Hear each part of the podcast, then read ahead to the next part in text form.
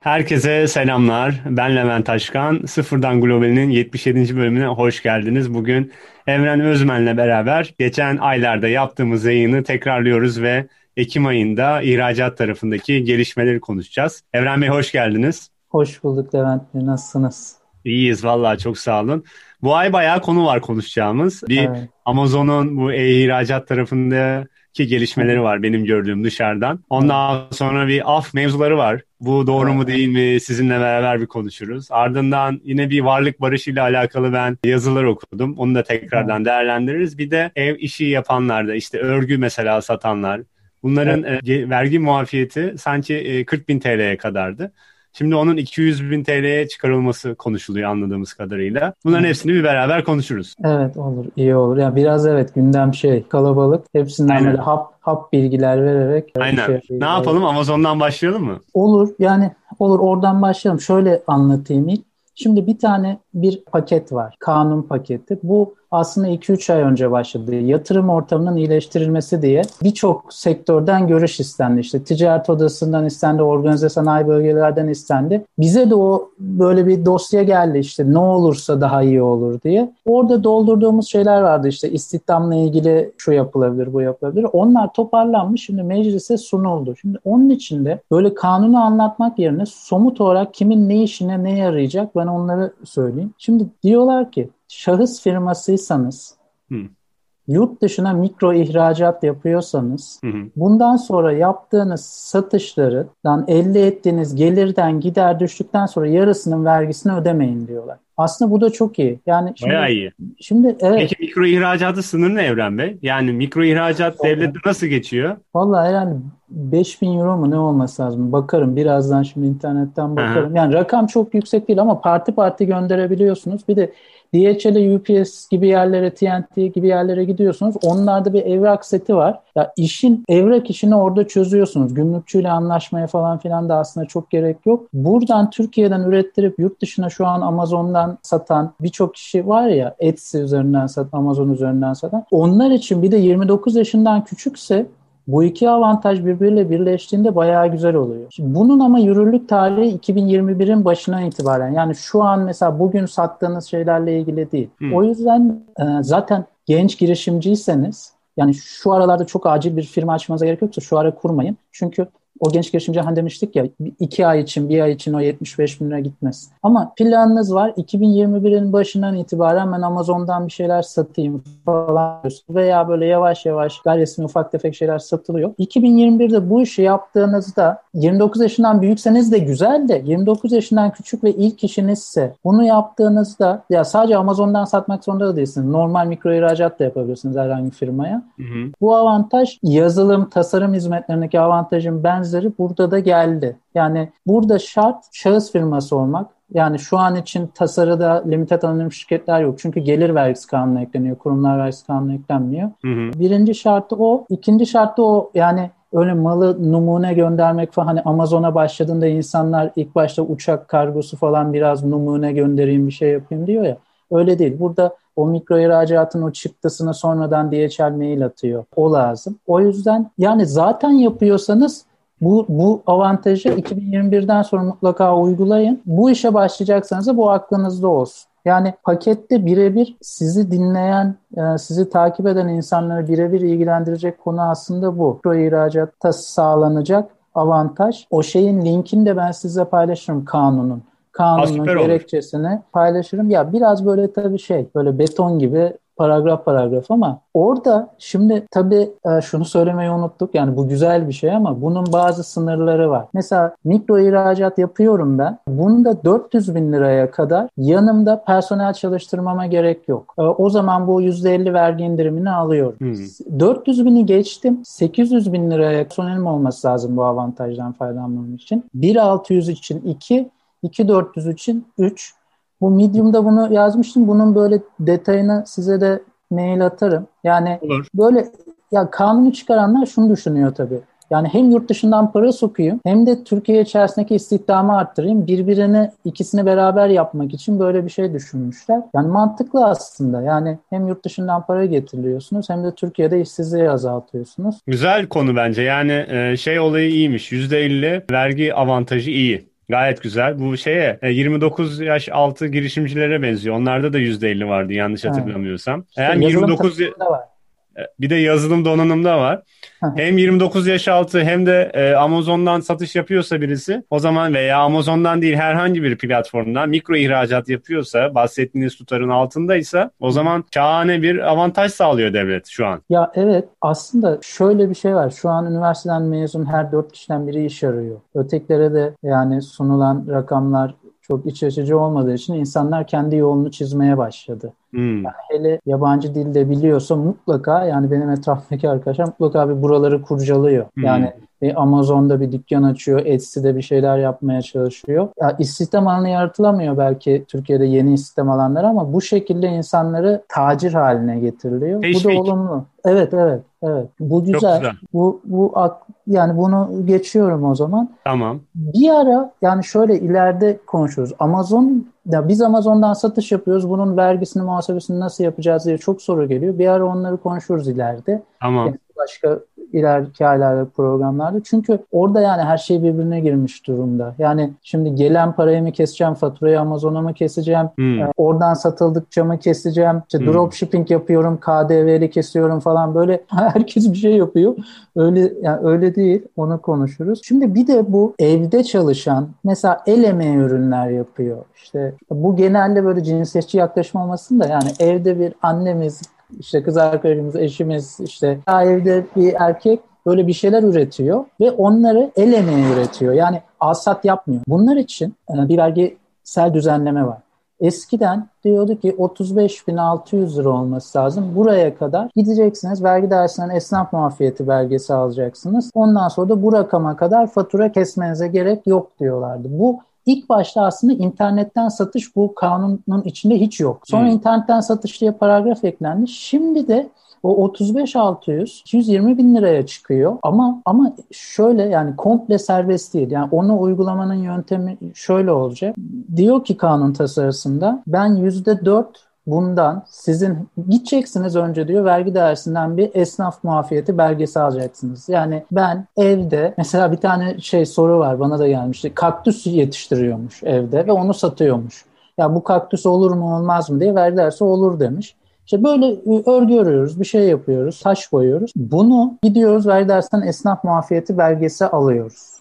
Hmm. Ondan sonra da yani yeni tasarıyı anlatıyorum. Ondan sonra da bankaya gidiyoruz bir tane ticari hesap açtırıyoruz. Hmm. Sonra banka, o bankalar nasıl yapacak bilmiyorum ama vergi dersiyle uyumlu olarak banka o hesabı bütün tahsilatta o hesaptan yapmak zorundayız. Banka o hesaptan %4 vergi kesecek. Yani gelen paradan siz firma kurmanıza gerek yok. Bir mal müşavirle anlaşmanıza, aylık beyanname vermenize gerek yok. Bu rakama kadar banka size gelen paralardan aylık olarak zannediyor ediyorum. %4'ünü alacak şeye gönderecek. Maliyeye kendisi gönderecek. Bu şekilde bir sistem kurmayı planlıyorlar. İnşallah yürürlüğü de yani uygulaması da kolay olur. Pratikte de kolay olur. Burada da bir detay var aslında. Güzel bir şey var. Şimdi diyor ki mesela o 220'yi geçtiniz diyor. Bir sonraki senenin başından itibaren firma kurmanız lazım diyor. Ama mesela 2021'de ben 700-800 lira sattım. Yani böyle e, evde böyle çok katma değerli bir şey yaptım. Böyle gümüşü eğdim, büktüm falan bir şey yaptım. yani o sene %4'te kalıyor. Ondan sonraki sene firma açılması lazım. Çok iyiymiş. Bu da bayağı iyi. Yani devlet diyor ki siz ne yapın ne edin ülkeye döviz tokun ben bir şekilde yardımcı olacağım. Evet yani diyor ki evet öyle öyle diyor. Kibar kibarca öyle diyor yani.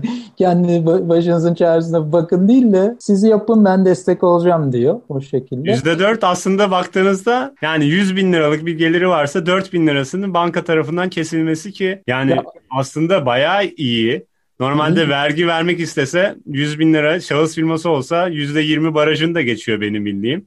Aynen öyle. bin lira vergi verecek. Daha fazla belki de. Ya bir de şey sürecinde kaybolacak. Yani bunu yapanların ortalamasının, el işi üretenlerin ortalamasının daha önce birçoğu şirket kurmadığını farz edersek o süreç içerisinde kaybolup gidecek. Yani o işte bir mali müşavirle anlaşma, bağkur primi ödeme falan o bariyerler yüzünden çekiniyordu. Şimdi bir tane iki tane adım var. Ver dersine gidip o kağıdı almak sonrasında da oradan çıkıp bir tane bankada ticari hesap açtırmak. Sonrasında sat, satıyor gidiyor. Birisi de o kişilere şunu sorarsa ya ben işte sizden şunu aldım bunu aldım bana fatura kesmedin seni şikayet edeceğim falan esnaf muafiyeti belgesini gönderiyor. Adam da ha diyor. Bırakıyor. Yani devamında bir şey yapmasına gerek kalmıyor. Şimdi mesela küçük sanat kooperatifleri var. Şimdi bizim de mesela mükellefimiz öyle kooperatifler var. Potlaç Kadın Kooperatifi mesela Kadıköy'de. Bu CKM'nin içinde falan da dükkanları var. Hmm, mesela bu hmm. bu buradaki kadınlar erkek kadın kooperatifi ama yani belli bir yüzdeyle erkek de olabiliyor. Burada el emeği üreten birçok kişi var. Bunlar için çok faydalı olacak aslında bu. Ya yani kısmen Etsy'ye birçoğu yöneldi ama Türkiye'nin birçok tarafında böyle kadın kooperatifleri var. Bunlar inşallah yakın zamanda bu bilgilenirler ve bunu uygularlar. Yani bu şunu sağlıyor aslında. Gelirin tabana yayılmasını sağlayan bir uygulama. O yüzden güzel. Toplumsal refah tabandan arttırmaya çalışan bir şey. O anlamda ben çok olumlu buluyorum aslında. Evet kullanan olursa bence çok iyi. Biz bunu sosyal medyadan da duyuralım. Bence çok evet, güzel evet. bir destek. Yani bu ve ilk baştakiyle bu bayağı güzel destekler. Bence ne kadar kişinin kulağına giderse o kadar iyi. Yani bayağı bir avantaj. Şu an mesela yani benim şahıs firmam var. Ee, ben işte bu, bu yıl belki %20'yi geçeceğim bir tık. Ama hmm. yani şu an el emeği bir şey yapsam önümüzdeki sene işte dediğiniz gibi her ay 220 bin kazansam ve o bantta dursam sadece devlet diyor ki ben senden işte neredeyse 10 bin TL'ye yakın vergi alacağım diyor. Gerisi sende diyor ki bu çok iyi yani. Evet bu bir de mesela güzel. her ay KDV'yi ödedim mi? Her ay bilmem neyi ödedim mi? Dert falan. yok. Böyle, böyle şeyler yok. Evet o el emeğinin şeyine bakmak lazım. Neler o sınıfa giriyor. Onun bir listesi var mı Evren Bey? Var. Mesela evde böyle sanayi tip falan makine kullanmamak lazım. Yani öyle yazıyor şeyde. yani öyle makineye makineye alıp şey yapmayın diyor. Yani öyle gaza gelmeyin diyor. Böyle gerçekten e, e, el emeğiyle bir de mesela evde böyle şey de yapmayın diyor. Yani ekibi kurup 20 kişi fabrika gibi sigortası çalışırmayın yani diyor. Peki bunun kontrolü nasıl oluyor? Yani oraya değinmedik. Yani ev, evden çıkan ürünün el emeği olduğunu devlet nasıl anlıyor? Çekiyor değil mi şu an, şu an kamera? yani şeyi şöyle ya böyle etkin bir denetim mekanizması bunda var mı bilmiyorum. Ama hmm. herhalde bir şikayet durumunda veya böyle random seçecek diyecek ki işte ya siz ne yapıyorsunuz ya yani el bu nasıl kaç el ya yani kaç elle öğretiyorsun yani bu günde kaç tane örgü örebilirsin şey yapabilirsin. Anladım. Mesela bu sabun, taş boyama, böyle bebekler var böyle örgü bebek falan. Ha, ta, takı falan. Yani ya mesela işte bu potlaş böyle modada şey açıyor, stand açıyor ya çay bahçesinin orada. Ya oradan geçecek kişinin sayısı yani hadi cumartesi günü full olsun. Yani ama bu taraftan bir şey yapıldığında bambaşka yerlere ulaşılıyor ya. Bunu bu evet. gerçekten ne yapacağız? İşte siz bu sosyal medyadan yayınlanacaksınız. İşte oğlu görecek, annesine söyleyecek, babasına görecek ya baba sen böyle bir şey yapıyordun falan diyecek. Bunu bu şekilde aslında ya ben de kendi adıma bu kadın kooperatiflerine bunların bilgisini vermeye çalışıyorum. Yani Hı-hı. böyle bir şey geliyor diye. İnşallah yani iyi oldu. Tamam. Bakalım. Buna da değindik. Güzel konu. Dediğim gibi biz bunları duyuralım. Ekstradan daha fazla kişiye ulaşsın, faydalı olsunlar. Af konusuna gelelim. O biraz daha ihracatla alakalı mı? Yoksa genel olarak değil mi af? Af işte bu rutin af var ya biz yani Türkiye'de hmm. rutin. Şimdi af ama şu. Şimdi bu 43 maddelik paket dedik ya bu 43 maddelik paket böyle meclise geldi. Ya herkes böyle gazetelerde falan işte af geliyor şöyle oluyor vergi faizleri sinecek falan dediler. Sonra bir baktılar içinde yok. Ondan sonra böyle nasıl nasıl olur falan denildi. Bu mecliste bir kanun çıkmadan önce onun alt komisyonları var. O komisyonlarda görüşülürken bu sigorta, vergi affı işte öneriyle getirilecek. Hatta getirilmiş bugün gördüm Dünya Gazetesi'nde. Ya o da şu ama yani af deyince şöyle anlamayın. Ya ben vergilerimi ödedim. Keşke ödemeseydim. Affa girerdim ödemezdim. Ya öyle değil. Yani vergi hatta af kelimesini kullanmak istemiyor hükümet. Yani yapılandırma diyor özellikle. Çünkü Hı. ana parayı silmiyor. Ana para zaten duruyor. Yani öyle ama mesela yediğin faizi siliyor faizde işte o günden bugüne ne kadar birikmiş? İşte 10 lira birikmiş. Ben onu sildim diyor. Onun yerine düşük bir orandan hesaplayıp ben bunu sana işte 16'ya 32'ye falan bölüyorum diyor. Bu da şeyin içinde bu kanunun içerisinde yine bayağı bir şey var. Yani sigorta, Bağkur, köprü geçiş, işte böyle alakası alakası yediğimiz cezalar falan, trafik cezası. İspark. İspark var mı bilmiyorum. Herhalde var. Ama yani şimdi İsparkı da kimse ödemiyor mesela böyle ya ödemek lazım tabii de ya satarken falan çıkmıyor ya o kalmadı. Böyle biraz yüzünü kızartan isparkçı ya tamam sonra veririm falan diyormuş herhalde. Yani bireysel davalar var mesela isparkla ilgili açılmış, kazanılmış ya bu şeyin yolu. Sadece işte İstanbul Belediyesi için değil başka belediye için de aynı şey söz konusu. Yapılandırma bu şekilde. Sizin bu arada görüntünüz dondu Evren Bey. Bunun dışında da planlandırmanın dışında aynı kanun... Tamam. Evet. Şey en son planlandırmayı konuşuyorduk. Devlet diyorsunuz ki aslında faizi tamamıyla kaldırıp onun böyle küçük bir şey ekliyor ve bunu aylara bölüyor. Bu şekilde karşı tarafın ödemesini sağlıyor. Ana para duruyor. Evet. Ya burada işte düzenli ödeyenlerin hep canı sıkılıyor. Yani düzenli ödeyen diyor ki hani ben bunu ben kendi vergimi ödediğimde dolar 6.85'ti. Ödemeseydim dolar alsaydım falan diye hesaplar yapıyor. Faiz şuydu falan diyor. Ya, ya zaten afların şeyi bu. Yani e, problemi bu. Ama ya işte ne diyelim. yani Başka Yapacak bir şey, şey yok. Yani, yani evet. bayağı şey böyle ödüyoruz ona bakarsak. Ne bileyim bu şeyde de geçerli. Bir ürün alıyorsunuz. Örnek veriyorum. O ürünü taksitle de alabilirsiniz. Nakit de alabilirsiniz. Evet. Ondan sonra nakit aldığınızda şey diyorsunuz. Aa keşke taksitle alsaydım. Bu parayı dolara yatırsaydım daha karlı olurdum diye. Bu her şeyde var. Tabii alternatif maliyet. O oyun kuramı falan diyorlar ya işte. Aynen. Alternatif Ya şeyi ya biraz bu şimdi zamanımız az da bu kadar affın çıkması bu şeyi bozuyor. Vergi aslında kutsal bir şey. Yani vergi verdiğimiz vergiyle böyle köy okulu falan yapılıyor. Bu kadar af çıkınca böyle verginin temel mantığındaki motivasyon bozuluyor aslında. Yani o o üzücü bir şey. Şimdi mesela sigortada düzenli ödeyince bir indirim alınıyor. O kısmen vergide de var. Ama onun uygulaması sigorta kadar kolay değil. Sigortada ben düzenli ödüyorsam o ayın sonunda hemen bana indirimli çıkıyor. Vergi de 3 yıllık firmam olacak, 3 yıllık düzenli ödeyeceğim falan filan. Yani mesela sigorta gibi olsa mesela KDV'yi öderken ben işte 2000 lira ödeyeceğim zannediyorum. Bir girdim bankaya 1800 çıktı falan böyle şeyi kaybettirip bulunca daha da seviniyormuş, seviniyormuş ya insan. Yani öyle bir şey olsa güzel olur. Bakalım inşallah olur. Ya af, yapılandırma bu af demeyelim. Tamam yani, yapılandırma aynen. Yani güncel zam demeyelim güncelleme gibi. Aynen yapılandırma.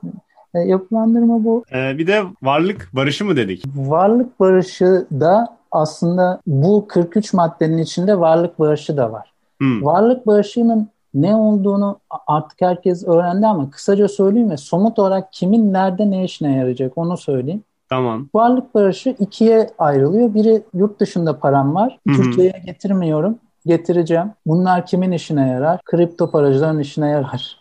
Hı-hı. Estonya'da parasını bekletenlerin işine yarar. Hı-hı. Forexçiler var çok. Böyle Singapur üzerinden falan döviz bürosu aracılığıyla gönderenler onlar var. Parasını Malta'da, Seyşeller'de, e, adalarda falan bekletenler var. Yurt bu, dışında tutanlar yani bir şekilde. Evet mesela bu PayPal çalışmıyor ya Levent Bey. Hmm. Pioneer var. Mesela evet şimdi Batum'da hesap açanlar var. Elden al, elden almasına gerek kalmıyor e, o yüzden. Gidiyor ya Karadeniz'den Batum'a mı gidiyor? öyle bir geziyor tur atıyor geri ya. Öyle ben bayağı kişi biliyorum aslında. Tahsilata gidiyorum falan diyen yani hmm. kişiler biliyorum. Bulgaristan tarafına gidenler de var. Öyle. Ya sonuçta insanlar bir şekilde şeyini buluyor. Yani yol, yolunu buluyor ama keşke açık olsa tabii. Çünkü o herhalde bu bu tip platformlarda satış yapanlarda bu PayPal'den öde seçeneği açık olmayınca satışlar da düşüyormuş herhalde. Evet düşüyor. O, Güven düşüyor ya, çünkü. Bunlar getirirken bu arkadaşlar yurt dışında bir şekilde bahsettiğiniz ülkelerde veya bahsetmediklerinizde parası olanlar getirirken Nasıl bir avantajdan yararlanacaklar? Evet şimdi yurt dışından getirirken eskiden yüzde bir vergi ödeniyordu. Ondan önce yüzde üç ödeniyordu. Hı hı. Bu sefer hiç ödenmiyor. yani e, yani dövize ihtiyaç biraz arttı ya. O yüzden hiç ödenmiyor. Ama nasıl yapacak? Yani mesela burada Türkiye'de vergi mükellefiyeti yok hiç. Gidip vergi mükellefi olmasına gerek yok. Yurt dışından para getirecekse bankaya gidecek. Hiç mali müşavirle de işi. Bankaya gidecek. Bankada diyecek ki bana yani eskisinde öyle oluyordu. Bana para gelecek diyecek herhalde. Çünkü eskisine bankaya gidiyordu. Yüzde biri ödüyordu. Sonra bana para gelecek diyordu. Şimdi belki bankaya bile gitmeden sadece oradan buraya gelen paralarla ilgili bir bildirim yapılacak. Şimdi varlık bağışında yurt dışında böyle. Yani bir vergi mükellefi olmaya gerek yok. Ama varlık bağışında yine de yani Türkiye o kadar yol geçinen bir ülke değil. Bu kara para aklama ile ilgili işte kanun var. Türk parasını koruma e, kanunu var ya yani o tip ilişkili bir paraysa bankalar bloke koyar. Yani o kadar da böyle Türkiye'ye elini kolunu sallayıp para sokma gibi bir şey anlaşılmasın varlık barış. Tamam yurt dışında normal yollardan kazanılmış bir paranız var. E, herhangi bir bağlantı, bir problem yok. O zaman paranızı getiriyorsunuz. Ama bir nedenle oralara değen bir para varsa işte bazen İran bağlantısı oluyor. Firmanın iş ya şöyle paranın bloke edildiğini gördüm. Firmanın iş yaptığı firmanın ortağı İranlıymış diye parayı burada bloke etti bir tane banka. Hmm. Ee, o yüzden yani normal iş yapan işte yurt dışına yazılım falan yapanlarda bir problem yok da konunun bir de bu bacağı var aslında. Hı hı. Bunun bir limiti var mı Evren Bey? Yani minimum, maksimum? Yeter ki getirin. Hmm. Yeter ki kara para olmayan düzgün kendi kazandığınız parayı getirin Türkiye'ye sokun. Türk bankacılık sisteminin içerisinde o para dursun, rezervlerimiz artsın. Hı hı. Ya burada getirinden kastımız gidiyor o bankada ya da o şeyde bir Hı. şekilde parayı çekiyor. Parayı çekiyor sonra kendi hesabına geliyor burada yatırıyor değil mi? İşte bu online de olabilir, offline de olabilir. Doğru anlıyorum. Ya evet şey de getirebilir. Parayı Çantayla da getirebilir. getirebilir de or, öyle Suriye'den falan belki gelir yani böyle pek görmediğim şey. Gümrükte bir beyan yapılıyor o zaman sanırım. Yani hmm. deniliyor ki benim çantamda şu kadar para var falan deyip öyle sokuluyor da normalde mesela İngiltere'de Barclays Bank'ta işte 100 bin pound'unuz var. Oradan Türkiye'deki Garanti Bankası'na işte pound hesabını oradan transfer ediyorsunuz kendi hesabınızdan. Orada da açıklamasına varlık barışı. İngiltere çıkışında da problem olmasın diye bazen şey yazıyorlar işte asset peace diye bir şey uydurulmuş işte varlık barışının tam karşılığı gibi böyle öyle ya o şekilde dö- dökümana da bir şey yazılırsa güzel olur. Çünkü yani burada da bankalarda konuşmuştuk sanırım. Ben eskiden bir bankada dış işlemler bölümünde çalışıyordum. Yani yurt dışından bir para geldiğinde parayı böyle şey yaptığınızda soruyorsunuz. Diyorsunuz ki bu para kredi mi? Bir şey mi sattı? Ya bu para ne? Yani kredi mi? Bir şey mi sattınız? Fatura mı? Gönderen bir finans kurumu mu değil mi? Yoksa serbest transfer mi? Falan gibi. Şimdi sizin oraya yazacağınız bir açıklama burada gereksiz parayı buradaki Türkiye operasyonu, bankanın operasyonu sahiplenirken bir tereddüt oluşmamasını sağlıyor. O yüzden açıklama yazmak güzel. Hı hı. O şekilde varlık barışının yurt dışısı böyle. Yurt Anladım. içi varlık, yurt, Anladım yurt içi varlık barışı. Dinliyorum Şimdi evet. Yurt dışı böyle. Yurt içi de şöyle. Yurt içi biraz farklı. Mesela bunu da somut kimleri ilgilendiriyor? YouTube geliri elde etmiş, AdSense geliri elde etmiş, AdMob geliri elde etmiş. İşte ya bu tip gelirleri elde etmiş daha inceleme başlamamış. Başlayanları söyleyeceğim de daha inceleme başlamamış. Paralar girmiş Türkiye'ye. O zaman bu arkadaşların vergi mükellefi olması lazım. Yani hmm. bir tane en azından bir şahıs firması kurup hmm. ondan sonra da burada mal müşavirlere görüşmeleri lazım. Orada o varlık bağışı beyannamesini verip onunla beraber aylık beyannamelerini vermeleri lazım. Hmm, tamam. Ee, hani onları da yapsınlar. Artık yani YouTube'dan kazananlar bir şekilde şirket kursunlar ya. Tabii tabii. Yani zaten şu an hesabına ya bu mesela sadece Google Island yazan hesap hareketlerine değil. Mesela Upwork'ten kazananlar da aynı şekilde. Upwork'ten kazanmış ama getirmiş o parayı. Hala hmm. da gelmeye devam ediyor. İşte Taptel'den falan. Bu Türkiye'de vergi mükellefiyeti yok. Açsın önceki gelenleri de bence beyan etsin. Çünkü niye? Yani eskiden mesela ya Google'dan gelenleri de kimse şey yapamaz falan deniliyordu. Yani nereden bulacaklar falan deniliyordu. Yani iki gün sonra aynısı Upwork'e de olabilir. O yüzden şu an yurt dışından kendilerine bir para gelmiş ve Türkiye'de vergi mükellefi olmayan kişiler bundan yararlansın. Hmm. Bir de hani güzel bir şey var. Ee, bu ta bitiş tarihi 36 2021. Yani önümüzdeki senenin 2021'inde bu varlık barışı bitecek. Yurt dışında parası olanlar için aslında büyük imkan şundan söylüyorum. Varlık bağışı başvurusu yapıldıktan sonra parayı getirmek için 3 ayda ek süre var. Şimdi yani bunu tabii ne kadar etik olup olmadığı kendilerini ilgilendiriyor insanların ama yani mesela 36'da başvurup 3 ay içerisinde 39'a kadar da parayı getirebilirler. Ve aslında ilk 6 ayda e, önümüzdeki sene ilk 6 ayında orada birikmiş parayı o şekilde de getirebilirler. İlla şu an yurt dışında bir para olmayabilir. Şu andan itibaren yurt dışına bir para birikmeye başlayabilir ve onu 6. ayda bildirir, 9. aya kadar getirir. Bu Upwork'çiler için bayağı değerli. Yani Upwork, hmm. Toptel, ondan sonra Etsy, yani Etsy'den elemeyi satmıyorsa değerli bayağı yani. Onlar da bu şekilde. Çünkü dediğiniz gibi Google'da da gelirler beyan edilmiyordu. Google AdSense gelirleri olanlar. Sonra bu anlaşıldı. ve devlet Google AdSense'ten kazananların hepsinden böyle vergi talebinde bulundu. Siz bu kadar gelir kazanmışsınız bize aktarmadınız bunun bir vergisi var diye. Ve bunlar tabii gelirlerden 2-3 sene sonra oldu. Benim böyle tanıdığım teler var. Bu şöyle Upwork'e de olabilir, Taptel'e de olabilir. Bu sebeple yani Upwork'tan, Taptel'den de kazananlar da bir şekilde gelirlerini beyan etsinler. Ki bu da aslında e, şahıs firması kuruyorlar değil mi gün sonunda? Evet yani yani, artık bunu da yapsın insanlar yani devlet daha ne, ne yapsın yani varlık barışını çıkar ya bir kayıt içine girsin artık bu insanlar çünkü ya bu her zaman birisi yani sürekli hani bir balonu şişirirsiniz ve ne zaman patlayacağı belli olmaz ya. Evet. Bu da bu da öyle ve 20-25 yaşına kadar bu riskleri insanlar alabiliyor. Sonrasında böyle hayatı insanların biraz daha oturaklı hale geliyor. Benim etrafımda gördüğüm onlar. Mesela böyle 25 yaşına kadar bir şekilde böyle takılmış, hiç mükellefiyet açtırmamış. Sonrasında yavaş yavaş sorumluluklar arttıkça ya bana yarın bir yazı gelir, bir şey olur, çocukların okul parası var, evleniyorum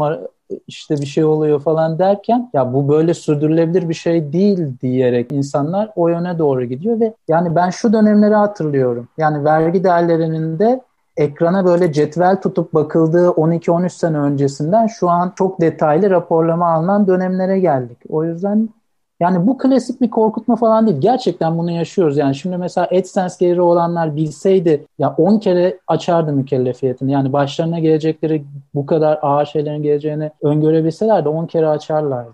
Yani Aynen. O yüzden... Yani o gelen parayı bir şekilde insanlar harcıyor. Harcadığını düşünelim ve yani vergisini vermediğinden dolayı vergi olarak da tutmuyor. Harcıyorlar. Harcadıktan sonra da aa, bir de vergi çıkınca belki de ekstradan kazanma durumları falan gerekiyor. Ya şöyle ilk başta olanlara kısmen hak veriyorum. O zaman gerçekten insanlar araştırmış. Mesela uygulamayı koymuş demiş ki ya etmop gelirim var bunu nasıl vergilendireceğim? Böyle herkes değişik değişik yorumlar yapmış. Demiş ki ya eser kazancı falan filan demiş. Son ama artık bir noktadan sonra bu çok belli. Yani hala bu tip gelir elde edip işte Essence falan gelir elde edip mükellefiyet aşırmamak yani hani böyle bir taraf var ya internette böyle arkası yanıyor bir çocuk böyle koltukta oturmuş falan. Yani hmm. resmen öyle yani o yangın buraya doğru gidiyor. Yani öneriyoruz. Tamam Şimdi... Evren Bey. Sorular var. İsterseniz ona geçelim mi? Olur. Hı-hı. Bir tanesi Musab sormuş. İkinci yıl şirket kurmak zorunda mı peki diye. Bu şey konusunda. Etsy tarzı yerlerde 220 bin civarında satış yapıyorsa 220 e, bini geçerse bir yıl sonra şirket kurması gerekiyordu ya. Herhalde mesela, ona... Evet yani mesela ilk yıl annesine yaptır, ikinci yıl kayınvalidesine falan yaptırmayacaksın.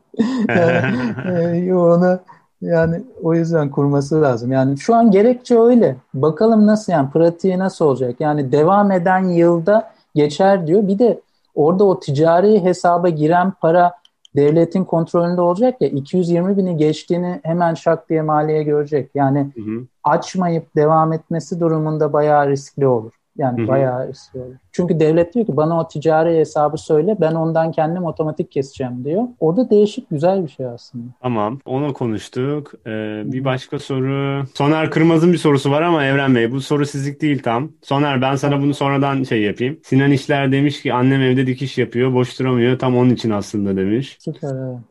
Aynen. Ondan sonra merhaba bir yabancı ortaklı yazılım şahıs firması açılabilir mi? Ya da şahıs firması sahibi artı bir yabancı uyruklu olmak üzere iki kişi çalışabilir mi? Şöyle şahıs firması bireysel de adi ortaklık diye bir şey var. Yani ismi çekici olmasa da şey, noterde kuruluyor. İki kişi şey yapabiliyor. İki kişi şirket kurabiliyor. Bunların bir tanesinin yabancı olması durumunda herhalde oturma izni lazım. 5 yıl yani yabancı birinin limited firma kurmasında bir problem yok. Anonim firma kurmasında bir problem yok. Ama şahıs firması kurmasında kağıtta yazan, kanunda yazan 5 yıllık oturma izni. Ama ben şöyle kişiler biliyorum. Yani bu izni vergi dersi sorgulamadan kuruluş yapılan kişiler de biliyorum. Ama yani şahıs firmasında biri yani ortaklı bir şahıs firması demek adi ortaklık demek. Adi ortaklık noterde düzenlenen bir şeyle yapılıyor. Onu yapacağınızda limited şirket kurmak daha iyi olabilir aslında. Anladım. Çünkü o da yani noterdeki o şey de bir para, bir masraf. Tabii aynen tamam. Allah Evren Bey çok teşekkür ediyorum yine vaktinizi ayırdığınız için. Çok güzel konulara değindik.